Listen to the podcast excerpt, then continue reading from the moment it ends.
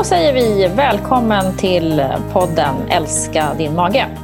Och här har vi Sofia Antonsson och Jeanette Steyer och avsnitt 78. Kan man tänka sig.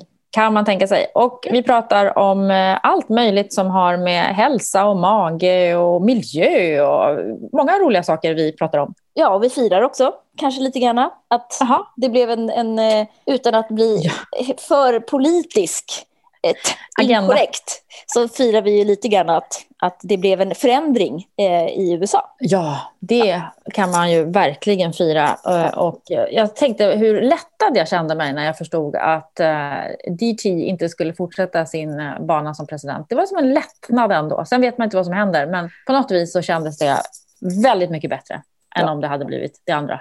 Det, Eh. det håller jag med om. Det, det där fyra år till hade varit, eh, det hade varit beyond outhärdligt. Det, det hade det. Får uttrycka sig så.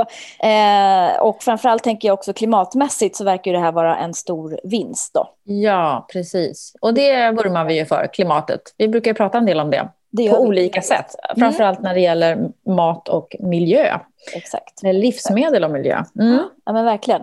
Eh, jag har ju då ehm, haft covid-19. Tackar Ja, som frågar. Ja, Mm. va- Varsågod. Ska man gratta eller vad ska man liksom göra?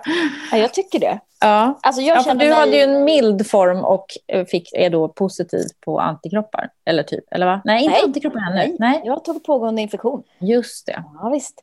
Eh, så att... Eh, nej, men jag var ju på en fnuttfrutt kändismiddag. Mm. Du ser, man ska hålla sig ifrån dem. Ja, exakt. Och det här var alltså, vill jag vara tydlig med, innan restriktionerna drogs åt. Ja. För vadå, tre veckor sedan kanske? Mm. Fyra. Eh, men i alla fall, jag blev sjuk och eh, fattade inte vad det var. För jag gick med lite huvudvärk i typ fyra dagar. Och sen så tappade jag helt plötsligt lukt och smaksinnet. Obehagligt. Otroligt trist. Har det kommit tillbaka? Nej. Inte riktigt? Eller inte Alltså, alls? nej, jag, min lukt är lite tillbaka. Men smaken är faktiskt fortfarande helt borta. Men det är ju Jag kan citera Steffo Törnqvist som också då är min, min eh, kompis i covid-träsket. Han eh, sa ju så vackert att det spelar ingen roll om jag äter eh, en skumbanan eller en bajskorv. För jag Ja, men gud. sant. Nej, Det är lite så det är. usch vad jobbigt. Ja, Ja, men då kan man samtidigt säga att du har haft en väldigt mild form då och, och din smak och lukt tänker vi kommer tillbaka. Och Mm. det är ju skönt när man tänker på hur många som verkligen blir hårt drabbade. Så Alltså verkligen. Få den milda formen och sen ha det gjort, det, ju, det skulle man ju helst vilja. Ja, det, alltså, på ett sätt känns det otroligt skönt att man kan träffa typ anhöriga och eh, riskgrupper och sådär med lite mer säkerhet nu. Men då ska man också komma ihåg att det är fortfarande ingen som vet någonting. Nej. Eh, Man får uppföra sig eh, ungefär likadant liksom, ändå, fast man har haft det. Ju. Ja, det är ju inte riktigt eh, okej att så här börja krama folk nu, för då får man ju onda ögat direkt. Ja, Då får ja, man nästan en liten skylt så här, Ja. jag har haft det. Ja. Men, och ändå då också det här med att ja, man vill ju heller inte eh, vara någon som har fått med sig en bakterie eller det här viruset från något annat ställe eller har en liten förkylning som man smittar någon med som då tror att de har fått covid. Alltså det är ju, man blir tvungen att uppföra sig i stort sett likadant, tänker jag. Fast det, Det kan blir vara väldigt mycket skam, skam Ja. och skuld i det här. Usch, ja, vad hemskt. Den här, Ja. Men nu har familjen Antonsson haft det här och eh, det känns faktiskt eh, det känns ju superskönt. Sen är man lite så fortfarande matt och trött, men, Mm. Men eh, det, det går väl över det. Det kommer att gå över, precis. Och vi andra, vi håller oss hemma, hemma fortsatt då, vi som inte haft det. Ni, ni andra får fortsätta beställa tester då. Ja, Det är det precis. man får göra nu varje gång det är lite, lite tjockt i näsan så beställer man hem ett Mm. test. Ja, det blir ju lite så. Man kan inte gå med minsta symptom. Så att, ja, ja, så är det. Mm. Vi hade en, eh, för att starta eh, här nu dagens avsnitt med lite fokus tarmflora, Just det. tänkte jag. Och eh, jag brukar alltid tjata om när jag är ute och föreläser så säger jag de första tusen dagarna i barnets liv är de viktigaste för att etablera tarmfloran och så får folk ångest för att Mm. man har missat Och det är inte meningen. Ja, precis. Det är, men man kan ju tänka framåt då. Liksom. Ja, exakt. Ja. Om Men man då- inte ska ha fler barn så kan man ju föra kunskapen vidare till andra som ska. Ja, precis. Mm. Dina söner till exempel kommer ju få barn med exemplariska tarmfloror. Ja, såklart. Tror du inte det? Jo då. tror jag. Mm. Nu har man då gjort en studie för att se hur mammans kost under graviditeten påverkar barnets tarmflora. Mm. Och det är ju Intressant. intressant, för det kan man ju Ja. verkligen tänka att, att det är liksom, det, man har ju sett att bakterier kan migrera över till fostret till viss del under eh, fosterstadiet. Mm. Och då kan man tänka att då påverkas ju mammans tarmflora av det hon äter och tarmfloran i sig då kanske också påverkar barnet. Och det verkar ju så nu faktiskt. Man får ju också eh, en kolonisering av, eh, av tarmen då i samband med eh, eh födsel såklart. Ja, just det. Eh, mm. Och sen också när man då eh, ammar till exempel. Mm. Just det. Om man nu gör det så, så har man ju också sett att eh, det går över eh, mikrober där då som kan etablera sig i, eh, i tarmen. Så nu har man då tittat på eh, ett antal då såna här mamma-barn-par och monitorerat dem under graviditet och sen då efter, under 18 månader efter födseln. Mm. så har man delat in de här i två olika grupper då. Och då var den ena gruppen mammor som åt mycket kostfibrer, omega-3 fettsyror, alltså det som finns i fet fisk till exempel, men också en del i rapsolja, valnötter och sådär. Och mm. polyfenoler som är en antioxidant. Eh, och sen en annan grupp då där modrarna, mödrarna eh, hade då ett eh, mycket högre intag av kolhydrater, mättat fett och animaliskt protein. Just det. Mm. En kost som man då förknippar inte lika hälsosam som den förstnämnda. Exakt. Nej, mm. och då såg man då att ehm, eh, den här eh, högfiberkosten, eh, då, mödrarna som åt högfiberkost, då, de barnen hade en, eh, ett, en, en, större förekomst av ruminococcus, som är en bakterie som producerar då butyrat eller smörsyra som vi känner igen det som. Eh, och smörsyra är ju en så kallad en biomarkör då, som är sammankopplad med bland annat antiinflammatoriska egenskaper. Så den vill man gärna ha mycket av. Precis. Och sen då den andra gruppen som då kallades för eh, högkolhydrat mättat fettgruppen. Där hade de barnen en högre förekomst av Prevotella. Just det. Och den är ju, det är en oral eh, bakterie, alltså en munbakterie eh, som är mera då eh, kopplad till ökad risk för olika sjukdomar och komplikationer under förlossningen. Mm. Det är lite intressant. intressant. Ja, verkligen. Eh, och sen då, eh, en annan viktig sak som forskarna såg, det var ju att, eh, att barn till den här eh, hög eller mättat fettgruppen, de hade också en högre risk att bli överviktiga de första 18 månaderna i livet. Mm. Mm, Den är också precis. intressant. Ja, verkligen. Mm. Mycket intressant forskning ja. tycker jag. Det här. Mm. Och det säger ju ganska mycket om vilka råd vi ger gravida kvinnor. Eh, många är ju livrädda för att äta fet fisk till exempel. Mm. Eh, man kanske väljer liksom mera snabbmat och färdigmat för man tänker att det är, det är liksom, ja, inte vet jag, lättare att, att kontrollera det innehållet än att man vågar köpa någon fisk och man ska börja fundera på var den är fiskad och vilken sjö var det man fick äta ifrån. Ja, just det. Och, ja, och mycket att sätta sig in i det. Mm. Mm. Fast om man läser de råden, nu var det ett tag sedan jag läste dem, men jag tror att man ganska snabbt ändå kan säga, okej, okay, jag kan köpa det här, det här och det här, det kan jag satsa på. Och så kör man det mm. i, under graviditeten. Ja, man, jag hoppas att det är så alltså. Mm. Um, men, men just omega-3 har man ju sett, eh, och jod också för den delen, har man ju mm. sett att, att gravida kvinnor ofta får i sig för lite av. Mm, ja. Ja, de kostråden är ju enormt viktiga. Alltså eh, vad man äter när man är gravid. Man förstår ju det mer och mer. Mm. Och det här med att man säger, ja men barnet tar ju alltid, har man ju sagt, ja men barnet tar ju alltid den näringen den behöver. Ja, fast det här visar ju också att nej, ja, det är jätteviktigt att vi äter på rätt sätt. Mm. Ja, den tar för, ju förmodligen näring, men mm. vad händer med... Liksom, det är ändå det finns att... andra orsaker till att ja. liksom, viktigt att äta. Just det här med tanke på, på floran, då, bakteriefloran. Mm. Mm. Ja, men precis. Så det här är ju superintressant. Och sen så, som sagt, eh, sättet man, man föds på, det här med duttandet av, eh, av eh, lite avföring från, ja, från mamman och sådär, som man också håller på att titta eh, jättemycket på, även i svensk forskning. Hur man kan liksom optimera den här koloniseringen av tarmfloran redan från start. Mm. Det har vi pratat om i tidigare avsnitt. Det har vi man ladda tillbaka om man vill lyssna om det. Det kan man verkligen göra.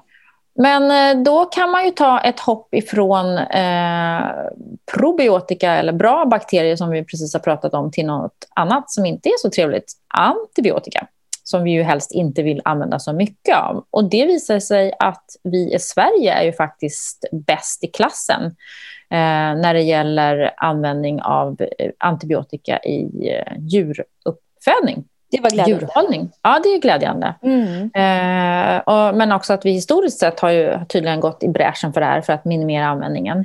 Eh, och att vi fortsätter att leda den eh, listan. Det är bra.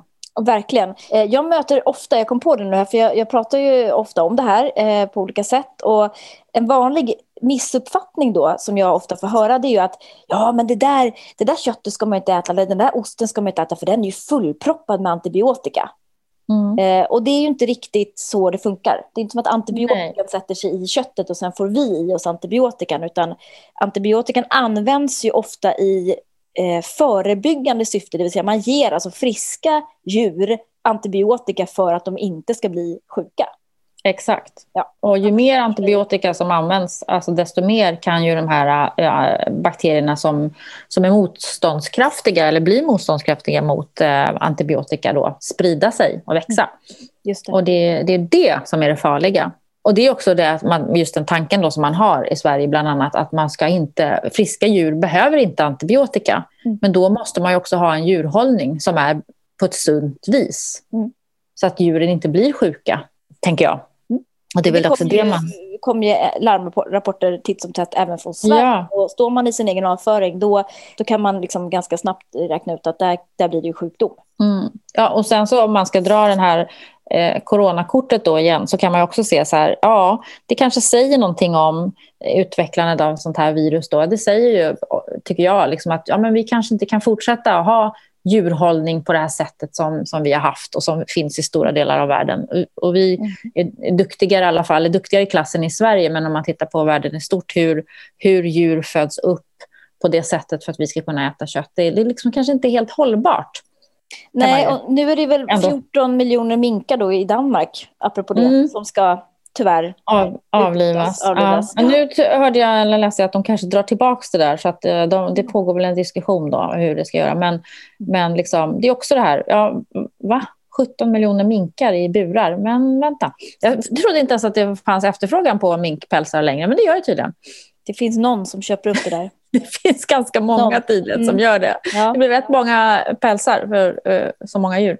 Ja, nej, men det är ju tragiskt och, och det är ju mm. liksom, nu blir det dramatiskt men jag kan bara känna att ja, naturen slår tillbaka ibland när vi inte, eller, och ganska ofta och den kommer nog göra det mer och mer om inte vi tar och uh, sköter oss med vissa saker. Det tror jag med. Och tittar man då på, på uh, siffrorna så är det ungefär 500 000 personer per år som dör till följd mm. av eh, resistenta bakterier. Det här pratade vi om precis i början av, eh, av eh, pandemin. Så kom det ut en rapport från Italien. Varför var det så många som dog Just i Italien? Det. Jo, därför att ja. det var så otroligt mycket högre förekomst av resistenta bakterier. Så man dog i sekundära infektioner då, till covid-19. Exakt. Och eh, då är det 500 000 som sagt per år idag och år 2050 så beräknas då 10 miljoner människor per år dö i antibiotikaresistenta sjukdomar eller relaterade mm. fall till det. Mm. Mm. Det är bara 30 år bort. Ja. Det är inte så lång tid. Nej. Och just om de också säger i den här artikeln att i Spanien och Italien då har de 17 respektive 20 gånger högre förbrukning av antibiotika till djur än i Sverige. Så det går ju i linje med det du sa också där om, om resistenta bakterier till exempel i Italien då. Verkligen. Eh, verkligen. Mm. Så att, uh, vi konkluderar väl köp svenskt kött. Ja, köp inte kött så ofta, men när du köper, köp riktigt bra kvalitet, svenskt, gärna ekologiskt. Korrekt. Korrekt. Word. det, det, är liksom punkt på den, som man brukar säga. Yes. Ja. Men då tycker jag en annan eh, sak då som går lite i linje med det här eh, när vi pratar om att inte köpa så mycket kött, det är ju de här eh, växtbaserad mat i automat. Den var ju lite kul. Det är en nyhet du har snappat upp. Ja, nej men mm. alltså båda två. Vi trodde att vi var så, eh, att vi hittade så bra nyhet var isär. Vi hade hittat samma. Ja men samma verkligen. Och jag, jag, det var kul, jag diskuterade precis det här igår med, med en kompis som är ja. Eh, typ vegan. Eh, och vi sa just att, alltså, att köpa vegansk mat ute, färdigmat, så här, det, är ganska, alltså, det är ganska svårt. Och mm. går man ut på restaurang så är det så här, ja då har vi en halloumi-burgare till dig. Ja. Som är vegetarian. Jag vill inte ha halloumi. Jag inte bara vill äta halloumi, så som sprutar ur öronen snart. Så att det här är ju ja, mycket välkommet. Och det är ju då eh, en möjlighet att köpa måltider i en automat. Som, eh, företaget heter Wheat. Och jag vet inte om det uttalas så. Vet. Vet, vet. Vi, vi, vit, ja, jo. Vit, Jo, men enkel-V. Liksom. Vit. Ja. Eh, en matautomat med enbart växtbaserat utbud. I början av november kommer det här då i centrala Stockholm. Så vi måste ju gå dit och köpa liksom en mat i automat, känner jag, Fia. Det, det får ju bli du då som är inne i stan ibland. Jag är ju mest på landet. Men du, är ju, du har ju snart antikroppar, så det blir väl bättre att skicka iväg dig än mig. Korrekt. Jag tar bussen direkt in. Den långa turen. Du får ta den. Jag Ja. håller mig ju i privat transport in till stan och hem igen när jag jobbar in i stan.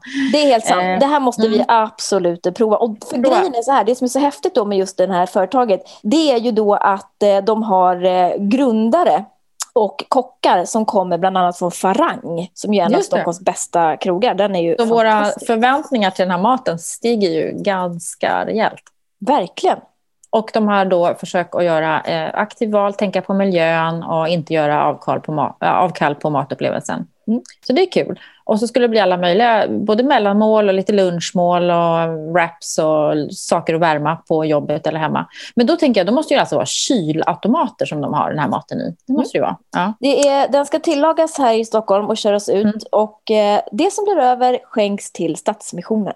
Det är också bra. Det Så vi. otroligt eh, sympatiskt. Mm. Vi, Mm. vi har ju ofta sagt det när vi eh, var mycket i eh, London ett tag, du och jag, och gick olika utbildningar. Så var vi ju åt på, vad heter det nu då? Eh, just det, den kommer vi snart fram till. Eh, Ja. Den heter något franskt, va? Eller det Ja. låter lite franskt. Det- Ehm, Det är en kedja i London, Ja. som sagt, vi kom på namnet snart. Och Mm. då så var, satt vi där och var liksom bara helt förbluffade över utbudet. Alltså, och sen var det verkligen så att det som blev över när dagen var slut, det skänkte man då till hemlösa. Precis. Och de hade också någon... eh, Berätta manger. Ja, precis. Där var det. Ja. Eh, och de hade mycket så här små rätter och du kunde liksom köpa, alltså verkligen plocka ihop din egen liten mellis eller mat eller vad du ville. Det var väldigt användarvänligt om man säger så. Verkligen. Och jag blir förvånad över att, det här, att de får tillstånd att göra det här. För jag vet att stora företag som har haft fester och sådär, de har nekats att skänka maten sen till typiskt sådana här organisationer. Aha, På okej. grund av ja. någon typ av eh, Ja, medelssäkerhet. Då. ja. De kanske har eh, jobbat fram någon bra lösning på det där, hur det ska gå till då. Ja, det låter ju fantastiskt bra. Det hoppas vi på. Ja, men vi kommer snart och köper en måltid. eh, För det var ju i Åhléns city bland annat. Jag kommer att göra detta eh, nästa Ja. vecka. Så får jag om inte annat skicka min sambo förbi där på vägen hem. Och så får vi äta eh, schysst eh, vegomat här. Det Ja, kul.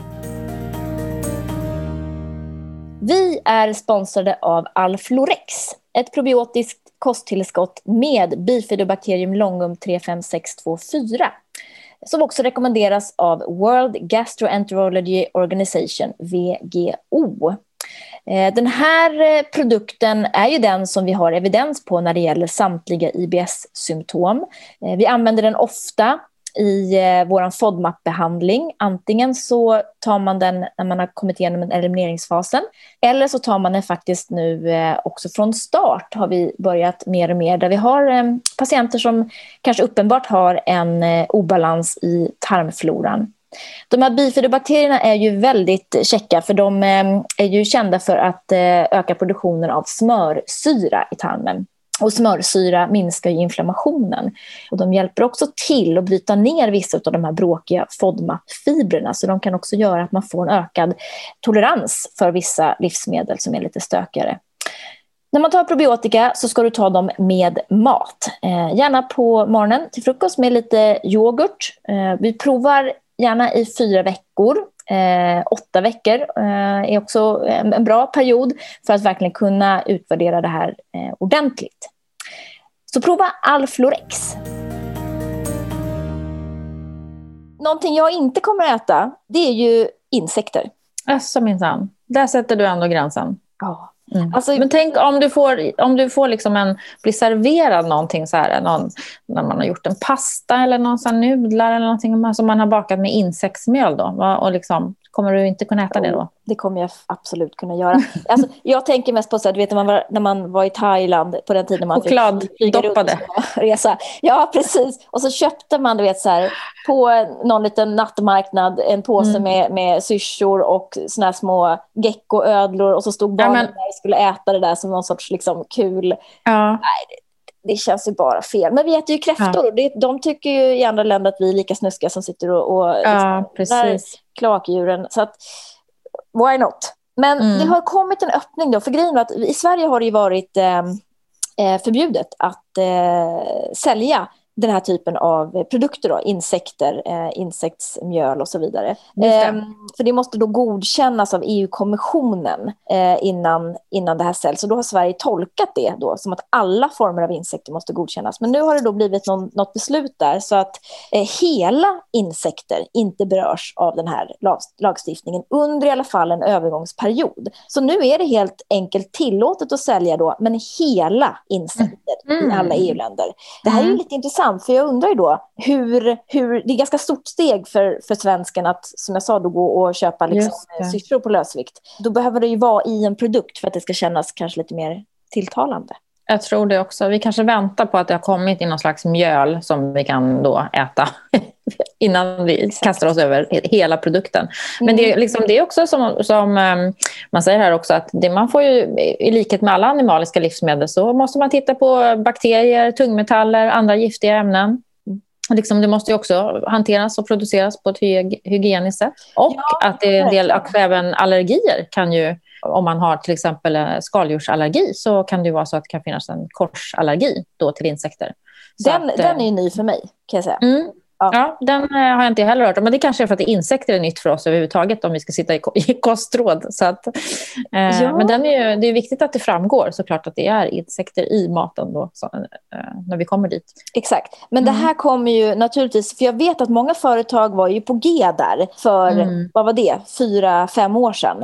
Eh, det var ju så jätte jättestora anläggningar i Sverige där de började odla mjölmaskar och sådär. Men sen så stängdes ju allt det där ner vad jag förstår. Så många mm. av de där bolagen har ju lagt ner och börjat med andra grejer för att det kom då ett beslut inom EU att, att eh, eller Sverige tolkade det som att det inte är tillåtet att sälja det där. Mm. Ehm, så att det kanske är någon som ploppar upp nu igen då. Det vore, jag tycker ändå en, en spännande liksom, affärsidé och framförallt också då eh, en en potential för att, för att eh, komma ordning i klimatmässigt och kunna odla mm. eh, mera liksom effektiva och klimatsmarta och näringsrika alternativ. Ja, proteinkälla då framför allt mm. som, man, som man ser här. Absolut. Och det är lika väl som man tittar på, man, man har börjat titta på eh, producera tång, olika tångvarianter som kan användas som man också tänker kommer vara framtidens mat.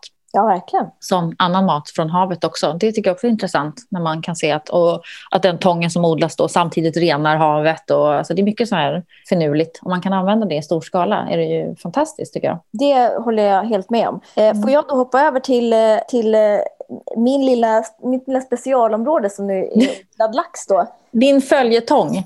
Du, jag kommer ihåg för många avsnitt sen så, så pratade du om det här. Vi har pratat om det här flera gånger. Mm. När du tog upp den norska laxen som du var väldigt upprörd över. Den norska odlade laxen ska vi säga. Ja. Som man också borde bli upprörd över. Undrar hur det har gått med det där. Det. Det är ändå, har, det liksom, har det hänt något där? Vet vi det? Eller är det bara same same? Det är same väl någon, någon, som har blivit, någon, någon fler person som har blivit mordhotad kanske. Kanske. Jag vet inte. Mm. Det är väl det, de, ja. det är lite maffiametoder vad jag förstår. Oh, herregud. Uh, ja. ja det lär det väl vara. Det är mycket pengar liksom, i det här, mm. kan man väl lugnt säga. Men då är det här äh, lilla äh, som du tänkte prata om nu, vet jag, är ju mer välkommet då. Ja, men precis. Jag tror det i alla fall. Jag kan ju inte, jag kan inte vara säker. Du måste åka dit och dyka ner i, ja, i tanken. behållarna, i tanken och kolla in. Hur mår fiskarna? Ja. Nej, men alltså det är så att um, i Sotenäs kommun då, um, där har man stora ambitioner för att bli någon typ av centrum för fiskodling i Sverige. Och de har nu fått stöd då på ett antal miljoner för att uh, planera den här verksamheten. Uh, för, och, och, det som är bra då, det är att de ändå så fokuserar på långsiktigt hållbart liksom vattenbruksnäring. Och då tänker jag ju ändå att men för att det ska vara hållbart måste man ju då kunna hantera den här fisken på en liten yta som den ändå befinner sig på jämfört med om den är fritt ute i havet med allt vad det innebär då. Sjukdomar, mm. avföring, mm. alltså hela den problematiken som ju, som ju inte är så välskött då kanske i, i de större odlingarna. Det här är mm. inomhus då det här ska ske. Ah, eh, okay. mm. Mm. Eh, så jag tänker att förhoppningsvis så hittar man ett, ett hållbart sätt att odla lax eh, som då inte så jättemycket i alla fall sätter ner laxarnas livskvalitet och framför allt att vi kan ge dem bättre mat så att de inte innehåller en massa skit eh, helt enkelt, som är dåliga för oss mm. människor. Man hittar mm. ett, ett, hållbart sätt att producera maten till den här fisken. Så det är mm. det som hade varit det, det trevligaste om, om vi kunde odla någonting i anslutning till de här fiskodlingarna och sen kan vi ta de, de grödorna och ge till fisken. Så vi inte ska importera foder från Sydamerika? Mm. Sorry. Det, det är ju det som jag tänker mm. hade varit ganska mm. nice. Det är det som mm. de här gårdsfisk gör, som odlar eh, tilapia och eh, vad det är för någonting. Eh, eh, och det är ju en annan typ av fisk som, som mår mycket bättre i liksom, den här typen av, av odlingar, vad jag förstår i alla fall. Men de, de har ju en sån här franchise eh, då. Man får alltså köpa ett, ett helt koncept av dem, men då måste man ha ett ja, x antal areal, hektar menar jag, eh, i, eh, i areal, i odlingsareal. För att eh, tanken med det här är att man ska då köra ett kretslopp på gården. Så att fiskavföringen går ut på, på eh, åkrarna, mm. där växer upp grödor, grödorna går till fiskfoder och så får man ett kretslopp i det där. Just det. Det tycker jag låter himla det... trevligt. Mm. En ny studie då eh, kring koppling mellan sockerintag och ADHD har eh, nämligen publicerats från eh, eh, Örebro universitet. Mm. Just det. Man har ju lite skämtsamt sagt att ja, men liksom sockerstinna barn som liksom blir som guttaparka och hoppar runt överallt och sockerchock och hej och Det finns ganska lite belägg för att socker skulle ge den typen av beteende. Det finns inga belägg, vad jag vet. Men nu har man ändå gjort en koppling då mellan eh, ADHD och inte att socker på något vis skulle förvärra symptomen, men däremot att personer med ADHD verkar äta mera socker, men också mer mättat fett och mindre frukt och grönsaker. Just det. De har undersökt matvanorna hos människor med ADHD och sett att det är för att förstå de här kopplingarna. Precis. Vad är det som, hur äter de och hur kan det påverka hur de mår? Och kan det också påverka eh, kopplingar till liksom att vidare sjukdom för de som har ADHD? Då? Till exempel fetma. Då. Precis. Eh, så det är intressant tycker jag också att man gör de här studierna och gör forskning på just kost vid olika sjukdomstillstånd. Alltid ja, välkommet. Absolut, och det är ju viktigt att påtala här att, att kosten, alltså socker är ju ingenting som ger ADHD, utan ADHD är en neuropsykiatrisk eh, diagnos som man egentligen föds med, tror de väl, i mångt och mycket, eller utvecklas väldigt tidigt i livet. Um, men däremot då så, så vill ju jag tro ändå att det man äter påverkar sjukdomen, likväl som att det vi äter påverkar egentligen alla sjukdomar som vi kan få. Mm. Det vill ju jag tro, även om det inte än så länge finns några klara bevis för att, att eh, socker eller mjölkprotein eller gluten eller vad det nu som, som, vi, som liksom, poppar upp ibland som möjliga liksom, eh, faktorer som kan förvärra symptomen då vid ADHD. Eh, ha, vi har ju inte riktigt de studierna än och det tycker Nej. jag ändå jag efterlyser det, för jag tror verkligen att, att kosten här har en, en väldigt stor potential faktiskt. Men det har väl kosten i många områden där man inte tidigare har tittat på det eller brytt sig så mycket. Men... Ja men verkligen. Mm. Verkligen. Jag förstår det. Men, men sen kan det också bli tufft ibland just att man, man möter ju också många människor som söker svar i kosten. Mm. Eh, just när man får sjukdomar som är svårbehandlade och så vidare. Där kanske inte alltid hela svaret ligger där. Eh, så det kan ju bli åt andra hållet också kan jag uppleva ibland.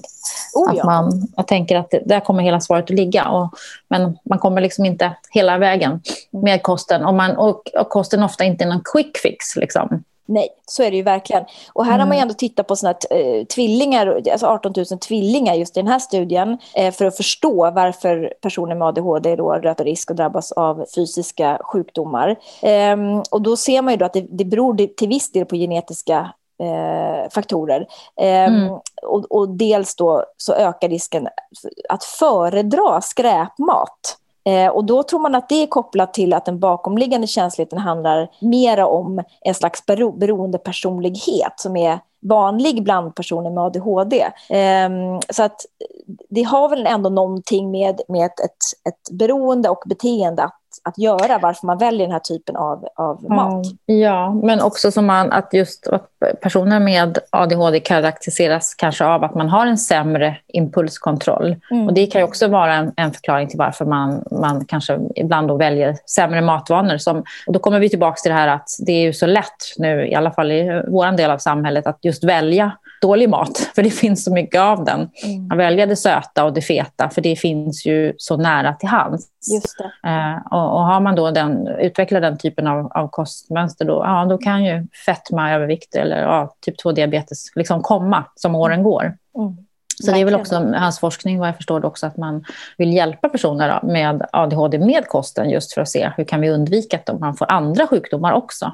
Precis. Jag hoppas mm. verkligen mm. att, det, att det kommer mera studier på vilken sorts kost som skulle kunna... Alltså det här är så himla många som har inte bara liksom en diagnostiserad ADHD utan man upplever att man har då en... en eh, ja, det finns en ganska vid ADHD-skala där Anders Hansen säger att vi är alla någonstans på den. Ehm, mm. Eh, även om man inte har en diagnos så kan man ha den typen av, av symptom. Eh, eh, barn som är väldigt aktiva eller som är väldigt liksom utåtagerande till exempel. Vad vad, gör då kosten? Med, så klassiskt eh, den här typen av barn, jag som är ute mycket och, och utbildar inom skola och, och omsorg, man möter personal, då, skolmatsalspersonal, eh, som säger att ah, men alltså, de här barnen med, med, med den här typen av diagnoser, de är så svåra för de ska ha önskekost eh, och då blir det liksom pannkaka varje dag. Och det, mm. det är ju inte bra för något mm. barn. Nej. Att äta pannkaka varje dag. Eh, mm. men är det ett bättre alternativ än att inte äta någonting alls? Mm. Men det blir ett väldigt dilemma här. För de här barnen kanske är det extra viktigt att stoppa i bra, bra näring i. Mm. Eh, och då blir det liksom svårt. Mm. Andra preferenser och, och sådär. Så mm. jag, jag, jag, hoppas, alltså det skulle kännas så bra i, i hjärtat om vi kom fram till att okej, okay, här har vi en studie, vi har liksom satt, ungefär som att man håller på med antiinflammatorisk kost på reumatiska barn och studerar mm, hur de mm, mår.